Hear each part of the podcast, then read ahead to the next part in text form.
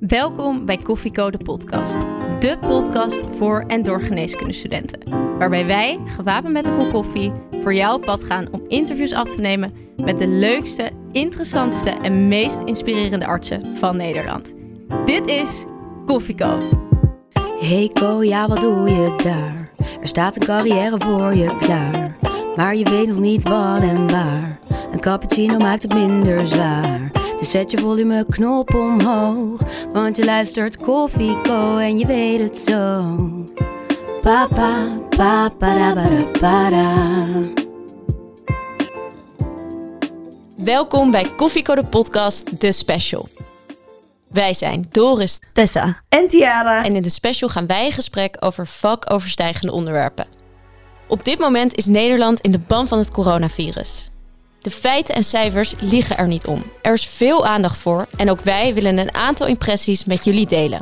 Vandaag weer een nieuwe aflevering vanuit onze thuisstudio. Doris zit op gepaste afstand aan de kop van de tafel en ik anderhalve meter van haar vandaan. Vandaag belt niemand minder in dan Esmee Verschoor. Zij is wijkverpleegkundige en case manager in de regio Rotterdam-Zuid en is dagelijks bezig om coronapatiënten in de thuissituatie te verzorgen.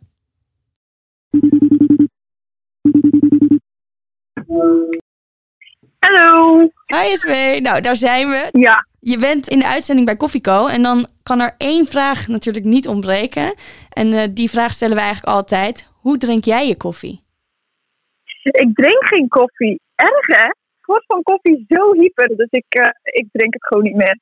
En Esmee, we hebben je net al een beetje geïntroduceerd. Ehm, het is woensdag, we zijn halverwege de week. Hoe was afgelopen week voor jou? Afgelopen week was vooral heel hectisch, ontzettend druk en ehm, redelijk chaotisch. Mooi in drie woorden omschreven. Ja, Want hoe ziet zo'n week er dan uit voor jou? wij zijn vorige week gestart bij de eerste coronapatiënt in onze wijk. Die heb ik zelf een hele week verzorgd. En sinds gisteren hebben wij een officieel coronateam. Dus daarin verzorgen wij eh, alle coronapatiënten die worden aangemeld. En dat is sowieso een hele organisatie om in de wijk te kunnen doen, überhaupt te kunnen doen. Dus we zijn eh, heel druk geweest. Ja, dat kan ik me voorstellen. En wat houdt zo'n verzorging voor een coronapatiënt precies in? Eh, nou, we doen sowieso natuurlijk alle, alle metingen. Dus we, eh, we temperaturen iemand twee keer de dag. We observeren symptomen van corona. Dus of iemand klachten heeft van de keel, hoesten, benauwd, ehm, hoofdpijn, eh, misselijk. Nou, echt, eigenlijk vragen we alles uit. Ehm, dat gaan we heel goed rapporteren en koppelen, koppelen we terug naar de huisarts ehm, en ons eigen team. En zo proberen we een beetje wat op de situatie te houden en te kijken welke andere, ehm, andere disciplines we moeten inschakelen of, of iemand ingestuurd zou moeten worden.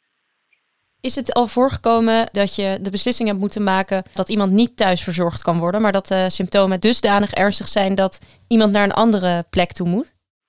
Ehm, nou, ik had toevallig de allereerste ochtenddienst. Ik zou naar een, eh, een mevrouw gaan die eh, in zorg zou komen. En ik werd tien minuutjes voor ik binnen zou stappen bij die mensen opgebeld door de contactpersoon dat die ehm dat betreffende cliënt al was overleden in die nacht en dat haar man op de IC lag aan een beademing in coma. Dus dan ja, komt het wel heel dichtbij. Wow, dat is inderdaad wel heel heftig. Wat deed dat met je? Je stond daar al bijna voor de deur om aan te bellen. Ja, ik, ik reed op de snelweg, dus ik moest nog tien minuutjes rijden voor ik daar was. En ik kreeg een telefoontje binnen. En ja, goed, je kan niet zomaar even stoppen op de snelweg natuurlijk. Dus de eerste beste afslag die ik eh, kon nemen, heb ik gepakt en eh, ergens de auto neergezet. En dan ja, ga je gewoon het gesprek aan. En dan merk je gewoon dat er heel veel emoties vrijkomen bij, ehm, bij de persoon die je aan de telefoon hebt. Ben je eigenlijk zelf bang om het virus op te lopen nu je zo dicht in aanraking komt met, met het virus? bang is denk ik niet het goede woord. Ik ben er niet specifiek bang voor. Eh, maar ik ben me wel heel bewust dat ik met ehm, deze patiëntencategorie in aanraking kom en wel mogelijk besmet zou kunnen raken. Ik doe al mijn, mijn voorzorgsmaatregelen neem ik, eh, neem ik serieus. Alleen, ja, je kan het ook in de appie krijgen als je boodschappen loopt te doen. Ja. Ja, daar heb jij helemaal gelijk in. Zijn er dingen waar jij als wijkverpleegkundige nu extra tegenaan loopt? Ja, dat is een heel gek voorbeeld hoor. Maar ik loop met zo'n FFP2-masker over straat, omdat ik dat ding vier uur moet, eh, moet dragen. Dus ik start om 7 uur s ochtends en ik kom tot uh, 11 uur um, uh, moet ik hem ophouden in de auto of ik naar cliënten loop bij cliënten zelf. Ik mag hem niet afdoen, dus ik kan ook niet drinken, niet eten. En dan zet ik hem uh, om 11 uur dus af en dan ga ik eten en drinken. en dan houd ik even pauze en dan zet ik het tweede masker op en dan gaan we weer. En omdat je hem vier uur lang aan hebt, gaat hij ook irriteren. Dus hij begint te jeuken op je gezicht. En ja, je moet er natuurlijk zo min mogelijk aan zitten. Dus het is best wel een beetje een benauwd gevoel. En zeker als je dan nog zo'n bril op hebt, zo'n beschermingsbril en je isolatiepak, is het ook nog eens heel warm. Dus, um, en je ziet gewoon dat mensen je aankijken en denken, wat doe jij? Waar normaal mensen um, je in jouw zusterpakje zien lopen en denken, oh, een zuster, oké. Okay. Denken ze nu, ja, ik weet niet precies wat ze denken, maar je, ja, je ziet dat mensen anders naar je kijken. Je weet dat mensen je beroep waarderen, maar je ziet ook dat het eigenlijk heel veel angst opwekt. En dat isolatiepak, wissel je die wel per patiënt? Ja, die doe ik uh, bij de voordeur aan bij de patiënt. En dan doe ik wat ik moet doen en die trek ik dan weer uit aan de voordeur en die gaat daar ook in de prullenbak. Dus die neem ik niet mee in de auto. Uh, handschoenen doe ik ook uit bij de patiënt. Ik uh, was mijn handen met water en zeep en ik reinig uh, mijn bril. En het enige wat ik dan dus nog meeneem naar de auto is het masker wat ik op heb en de bril. We hebben dit gesprek aan het einde van de middag. De werkdag zit er in principe op.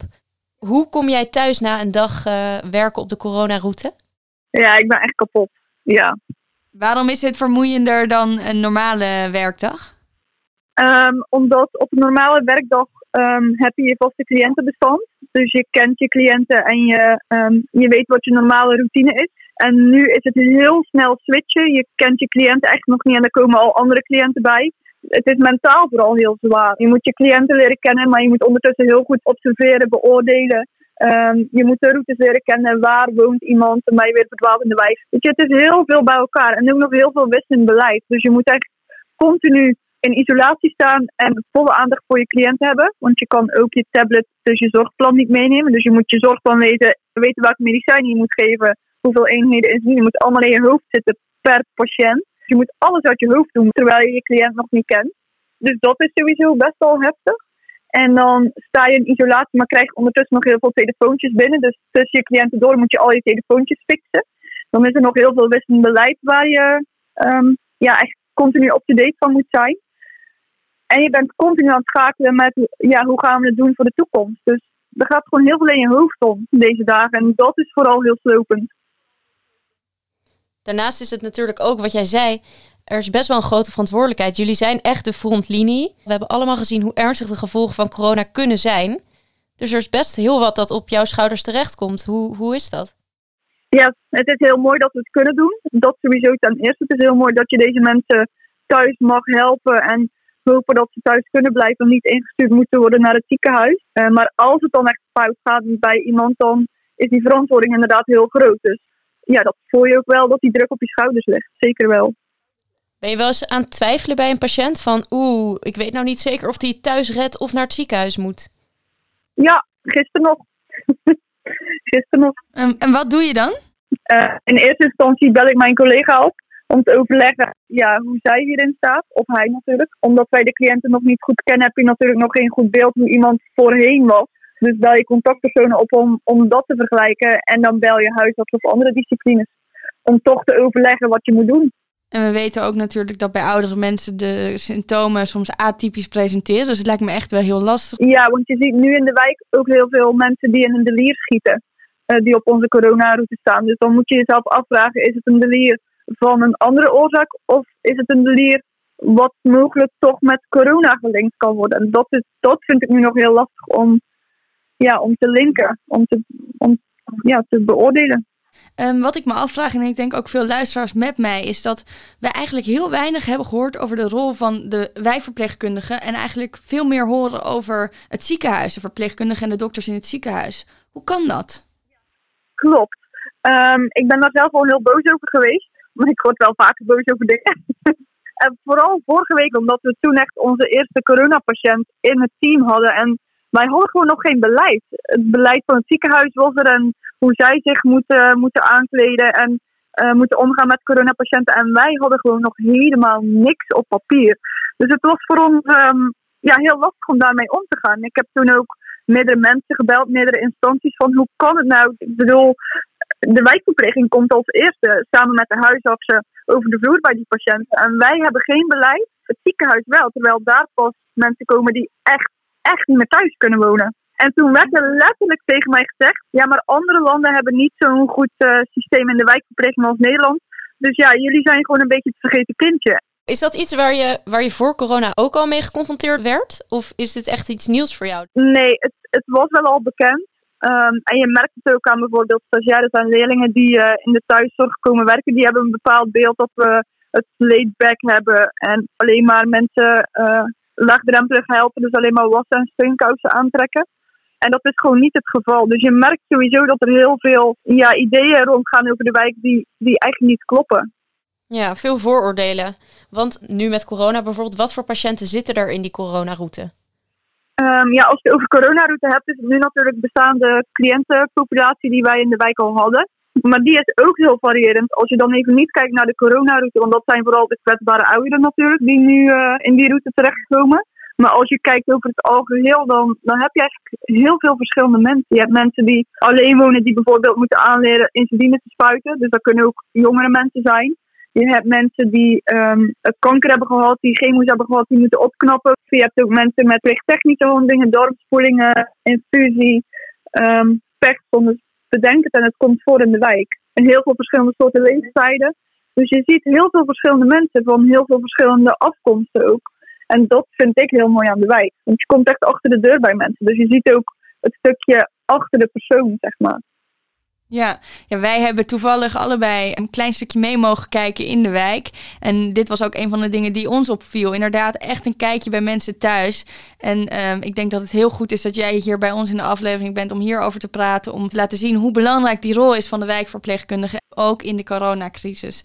Dus um, Esmee, um, we weten allemaal dat de cijfers oplopen in Nederland. Jullie rol is heel groot. Hoe gaan jullie de toekomst in? ja, nu nog heel onzeker. Um, we proberen ons zo goed mogelijk voor te bereiden. Ook om te kijken voor de toekomst kunnen we meer mensen in ons coronateam krijgen. Meer mensen die zich vrijwillig aanmelden. Um, ja, en kijken hoe, hoe onze capaciteit is. Je wil zoveel mogelijk mensen helpen natuurlijk. Dus het is per dag echt heel goed overleggen en kijken wat kunnen we aannemen. Wat zijn onze opties? Hoe gaan we hiermee om? En het is een beetje van dag tot dag leven nu. Ja, in het ziekenhuis helpen co-assistenten mee. Kunnen daar ook co-assistenten mee helpen in de wijk? Wat mij betreft wel, zeker. Ja. nou, dat, Kom maar. dat is een oproep. We hebben, we hebben iedereen nodig. Voor alle co-assistenten die luisteren. ja, sowieso. Wat houdt je op de been na een lange dag? Um, wetend dat je toch mensen thuis hebt kunnen helpen en dat je het samen kan doen. Dat is het denk ik vooral. Dat je samen kan zorgen dat dat je toch goede zorg levert en dat je de mensen die het nodig hebben nu vooral goede zorg kan leveren. Um, en dat ik dan thuis s'avonds op mijn bankje gewoon even tot rust kan komen. Om de volgende dag weer verder te gaan natuurlijk. Esmee, um, we zijn aan het einde gekomen van uh, het interview. Heb jij nog een tip voor alle mensen die nu op de bank zitten te luisteren naar Koffieko? Wat is jouw tip? Um, nou, ik heb niet echt een tip, maar meer een mededeling. Uh, want ik hoop dat we in deze tijden met nu corona gewoon onze medemens iets meer gaan zien en gaan helpen. Vooral de mensen die het echt wat nodig hebben, dat we die gewoon aanbellen en zeggen: Goh, kunnen we je helpen met boodschapje doen? Of heb je iemand nodig om een keertje te praten of wat dan ook? Wel op gepaste afstand. Maar gewoon dat je je medemens ziet en ja, toch meer gaat helpen. Dat zou ook heel mooi zijn als dat zou gebeuren. Dat vind ik een hele mooie tip. Jij werkt altijd al in de wijk, maar eigenlijk wil je iedereen aansporen om ook de wijk eens even te verkennen. Op gepaste afstand en een keertje aan te bellen bij de buren. Ja, dat zou heel mooi zijn.